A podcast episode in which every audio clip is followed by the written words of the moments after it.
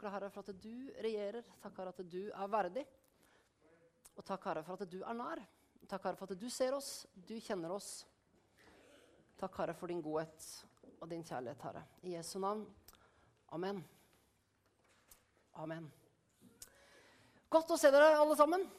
Veldig kjekt å få lov til å være i Misjonskirka denne søndagen også. Og som jeg ofte pleier å si når jeg skal tale, jeg syns det er godt å få lov til å begynne en ny uke her i Misjonskirka sammen med dere. Det syns jeg er en god start på en ny uke. Og det er et bra sted å begynne. Tusen takk til Toril og gjengen som har leda oss i lovsang. Skal vi gi dem en applaus? Kan vi ikke gjøre det? Det fortjener de. Veldig bra. Som uh, Toril sa i innledningen, så avslutter vi i dag en uh, taleserie som vi har kalt 'Speil, speil på veggen der'.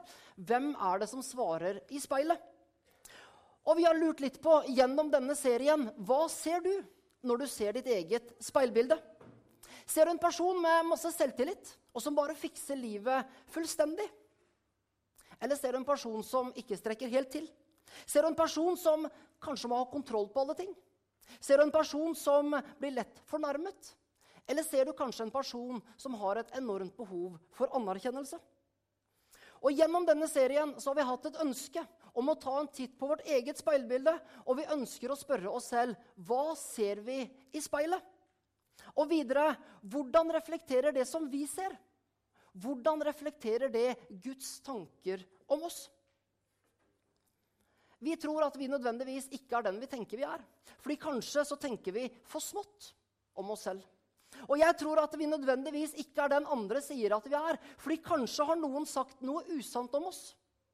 Noe usant som har fått lov til å satt seg i hjertet vårt, og som vi har tatt som sannhet.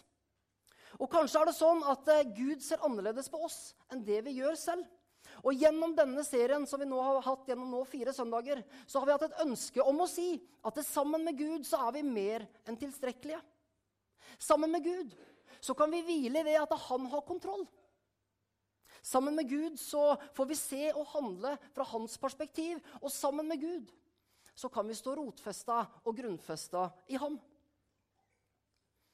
I dag så skal vi snakke om anerkjennelse.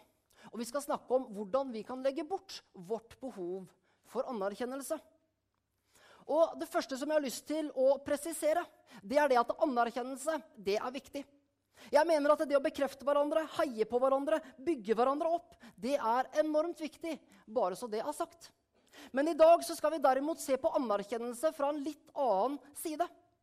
For kan det være slik at vi styres for mye av hva andre mennesker sier om oss? Kan det være slik at vi blir for opptatt av andres meninger?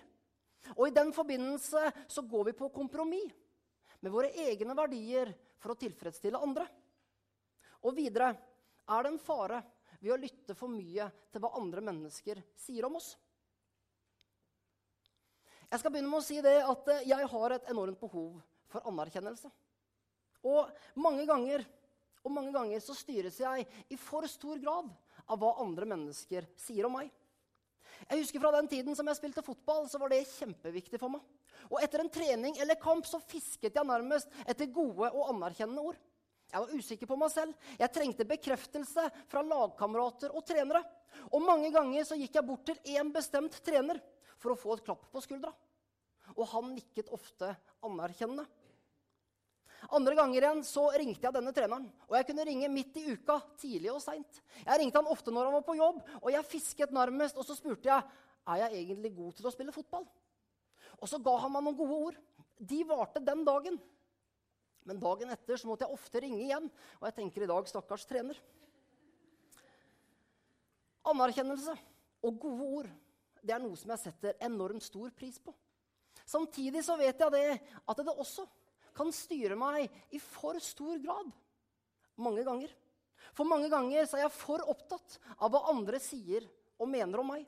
Og i de forbindelser så kan jeg gå på kompromiss med det som jeg selv egentlig mener, fordi jeg ønsker å passe inn.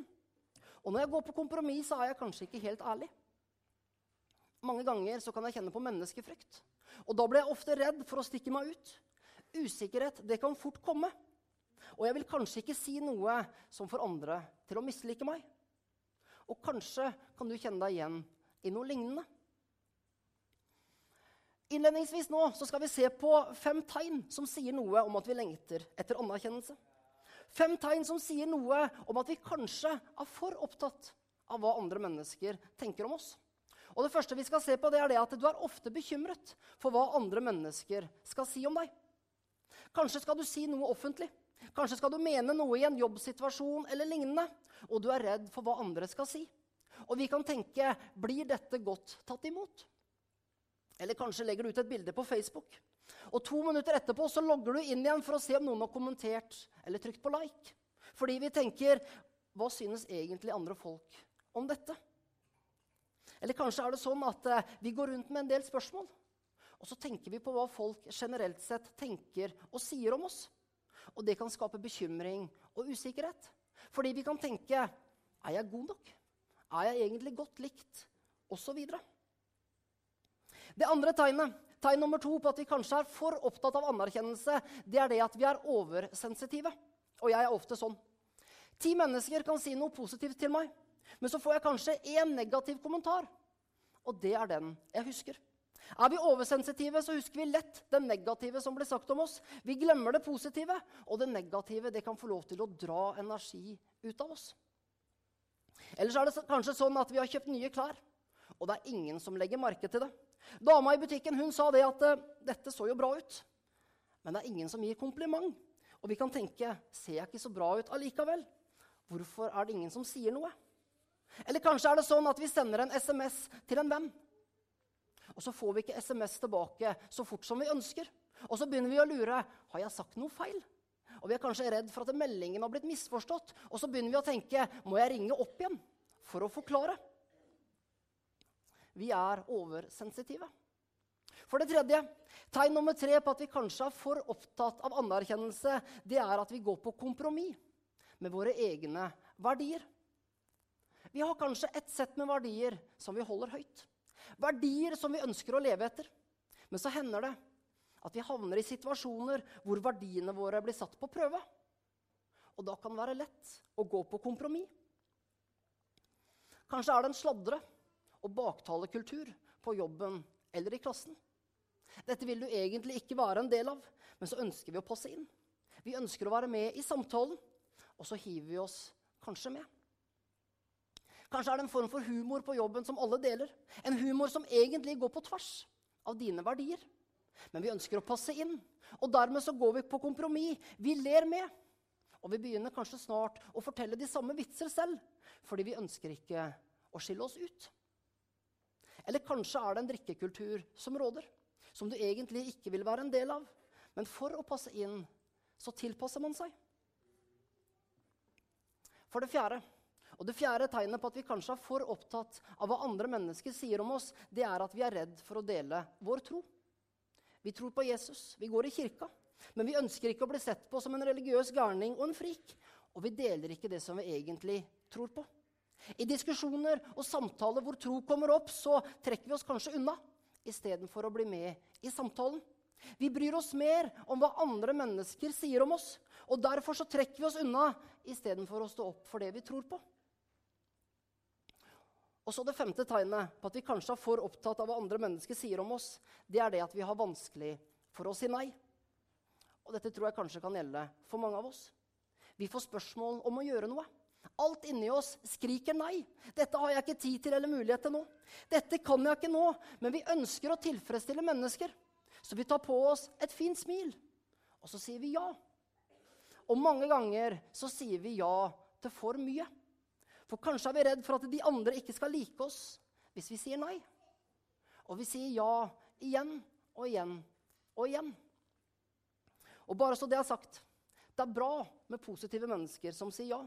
Som står på, og som tar, som, og som tar i et tak. Men ofte er det også ja-mennesker som kanskje tar på seg for mye. Som har vanskelig for, for å si nei. Fordi vi kanskje ønsker å gjøre alle mennesker til lags. Derfor, la ditt ja være et ja, og la ditt nei være et nei. Jeg tror det at vi mennesker mange ganger ønsker å gjøre andre mennesker til lags. Og for all del, det er bra å gjøre det beste vi kan for så mange som mulig. For all del. Men vi kan fort komme ut av balanse. Og behovet for å tilfredsstille andre det kan kanskje bli for stort, og vi lengter i for stor grad etter andre menneskers anerkjennelse. Og faren er da at vi glemmer det som Gud sier om oss. Og her kommer den første og den viktigste læringen så langt i dag. Og det er å bli for opptatt av hva andre mennesker sier om oss. Det er den raskeste veien for å glemme hva Gud sier om oss. For hører vi for mye på andre, så vil vi etter hvert kun ønske å tilfredsstille deres behov. Og vi ønsker å imøtekomme deres tanker om oss. Og da kan vi fort glemme det som Gud sier om oss. For det er ikke alltid at Guds tanker om oss stemmer overens med andre menneskers tanker om oss. I ordspråkene 29-25 så står det den som er redd for mennesker, setter en snare for seg selv. Men den som stoler på Herren, han har et vern. Usikkerhet det gjør at vi kan bli redd for hva andre, uh, usikkerhet gjør at vi kan bli redd for andre mennesker. Og vi kan kanskje kjenne på menneskefrykt. Og vi kan stille oss, kan stille oss selv spørsmål som hva mener de? Hva tenker de? Hva sier mennesker egentlig om meg? Og slike tanker det kan skape usikkerhet, og det kan sette en felle for oss. Men, står det i ordspråkene, den som stoler på Herren, han har et vern. Og jeg tenker det. Og hele tiden skulle tilfredsstille andre mennesker. Og hele tiden skulle leve på anerkjennelsen fra andre. Det kan fort bli avgudsdyrkelse. Fordi vi gjør mennesker for store i livene våre. Og når mennesker blir for store og for viktige for oss, ja, da kan Gud fort bli liten og lite viktig. Og når mennesker blir viktigere for oss enn Gud, da blir det en form for avgudsdyrkelse. Og så er spørsmålet til oss som vi skal se på nå, resten av talen, det er hvordan overvinner vi vår lengsel etter anerkjennelse fra andre mennesker? Det første som vi skal se på, det er fokus på å behage Gud istedenfor å tilfredsstille mennesker. Paulus han sier det i Galaterbrevet um, kapittel 1 og vers 10. Der sier Paulus.: Prøver jeg nå å bli anerkjent av mennesker eller av Gud? Jeg har mange historier fra eget liv hvor jeg har prøvd å tilfredsstille menneskers behov istedenfor å behage Gud. Og jeg har mange historier hvor mine verdier har gått på kompromiss fordi jeg har hatt et ønske om å passe inn. Og En slik historie det er fra tiden jeg spilte fotball, og da jeg spilte på rekruttlaget til Strømsgodset. I 1998 så var jeg en ung og lovende fotballspiller. og Jeg fikk prøve meg i Strømsgodset, og det var stort for en liten gutt fra Skien. Og jeg ønsket å passe inn sammen med resten av gutta. Ingen av de andre på laget var kristne. Og det kom tydelig fram både i språk og oppførsel. Jeg ønsket som sagt å passe inn. Jeg ønsket anerkjennelse fra lagkamerater og trenere. Og jeg tenkte det at hvis de andre finner ut at jeg er en kristen, da vil jeg bli sett på som en frik. Og det ønsket jeg ikke. Så i frykt for ikke å bli anerkjent av de andre, så skjulte jeg min kristentro. Mine verdier gikk på kompromiss fordi jeg ønsket å gjøre andre mennesker til lags. Og jeg spilte ca. ett år i Strømsgodset, og ingen visste hvem jeg trodde på. Fire år senere så hadde jeg flytta til Bryne. Jeg skulle søke jobb, og jeg var på jobbintervju. Intervjuet det gikk greit. Det nærmet seg slutten, og avslutningsvis så spurte daglig leder, og hun spurte meg har du noen andre interesser. Driver du, driver du med noe annet som du ønsker å fortelle om? Og da var det akkurat som om jeg fikk valget. Ønsker jeg her også å skjule min tro for å passe inn? Eller ønsker jeg å heise flagg og fortelle hvem jeg tror på? Og dette høres sikkert ikke ut som det største og viktigste valget. Men jeg fikk en anelse om at det jeg velger å si her, det kan få konsekvenser for meg senere i livet også. For velger jeg å være modig her, eller velger jeg å feige ut? Ønsker jeg å skjule min tro for å passe inn? Eller ønsker jeg å heise flagg og fortelle hvem jeg tror på? Jeg valgte det første. Jeg valgte å fortelle hvem jeg trodde på. Og det har senere, senere vist seg at det var enormt viktig for min videre retning i livet. For jeg husker i Strømsgodset. Da var jeg redd for at folk skulle finne ut om min tro, og derfor ikke like meg. I den nye jobben på Bryne så tenkte jeg annerledes. Jeg valgte å heise flagg. Og så tenkte jeg det at nå, nå må folk enten like meg eller ikke like meg pga. det. For det viktigste det var ikke hva mennesker tenkte om meg, men jeg ønska at Gud skulle være det viktigste. Og her er greia. Vi kan ikke tilfredsstille alle mennesker. Vi kan prøve, men vi klarer aldri å møte alle menneskers behov. Fordi det vil alltid være sånn at noen vil like dette, mens andre vil like dette. Noen vil like den type musikk, mens andre vil like denne type musikk. Noen vil stemme på det politiske partiet, ha de politiske meningene. Mens i andre sammenhenger så vil noen stemme på det politiske partiet og ha de politiske meningene. Noen vil mene dette om kristne og alkohol, mens andre vil mene dette. Noen vil holde med Liverpool, mens andre tar feil.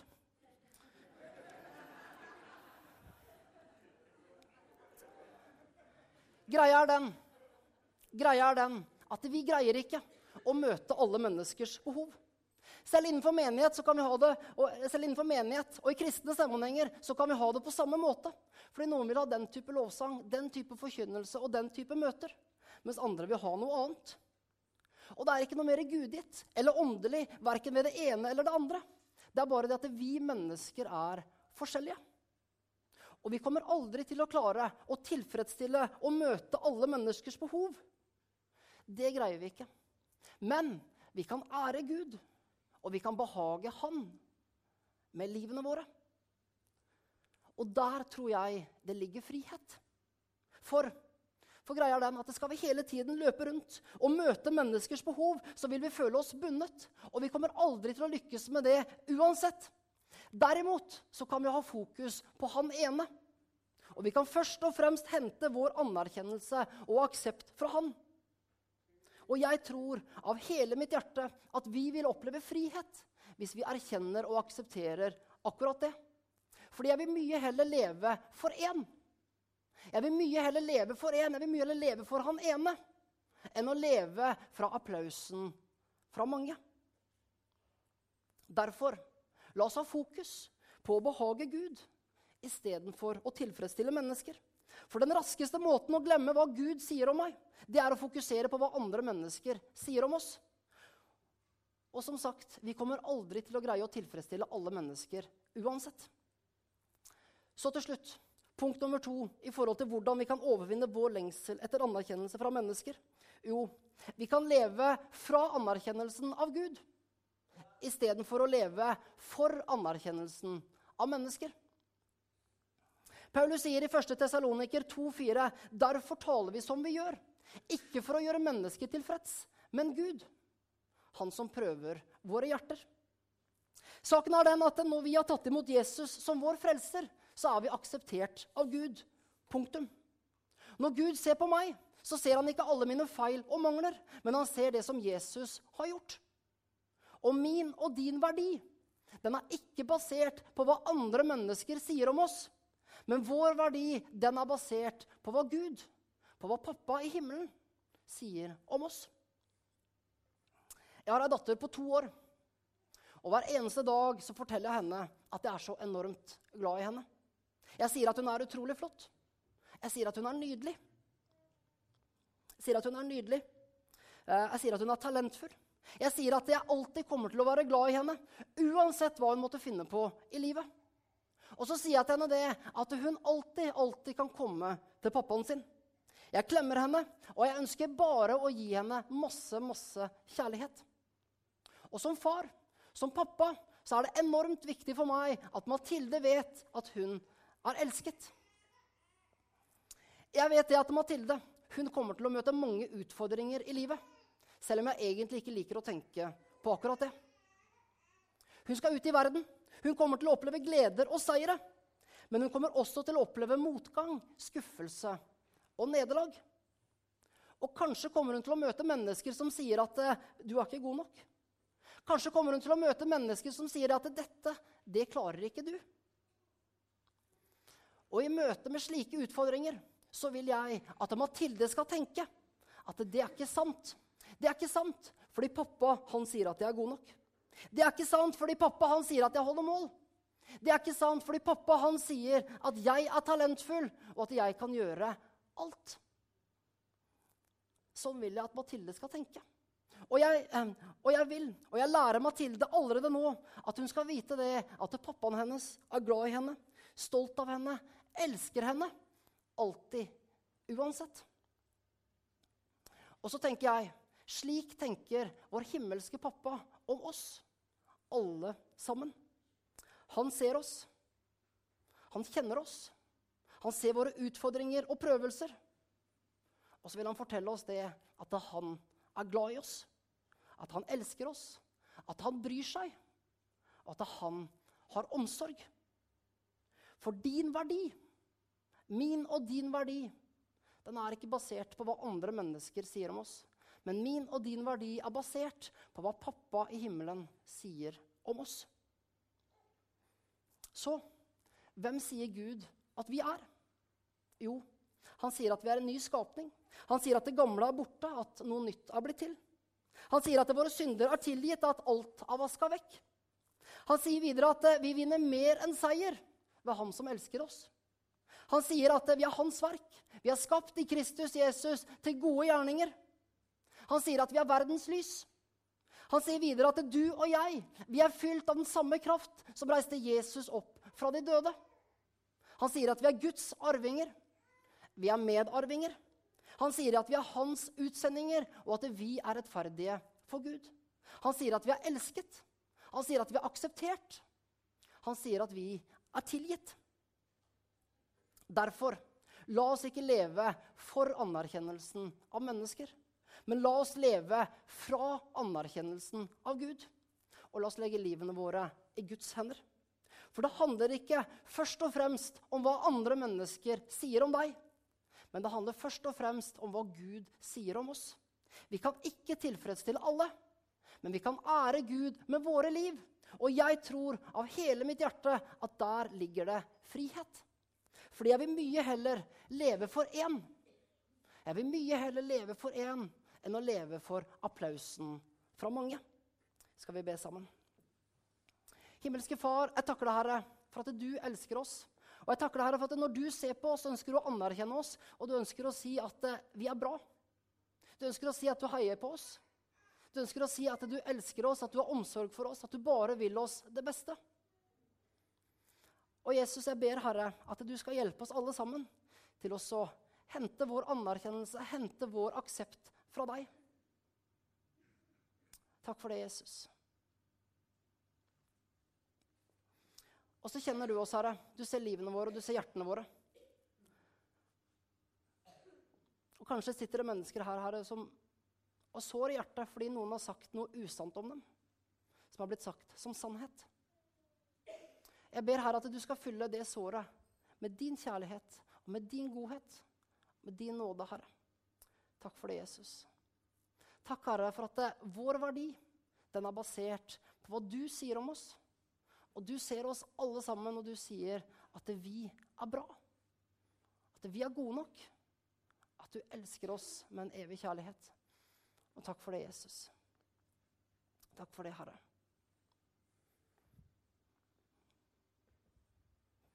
I Jesu navn. Amen.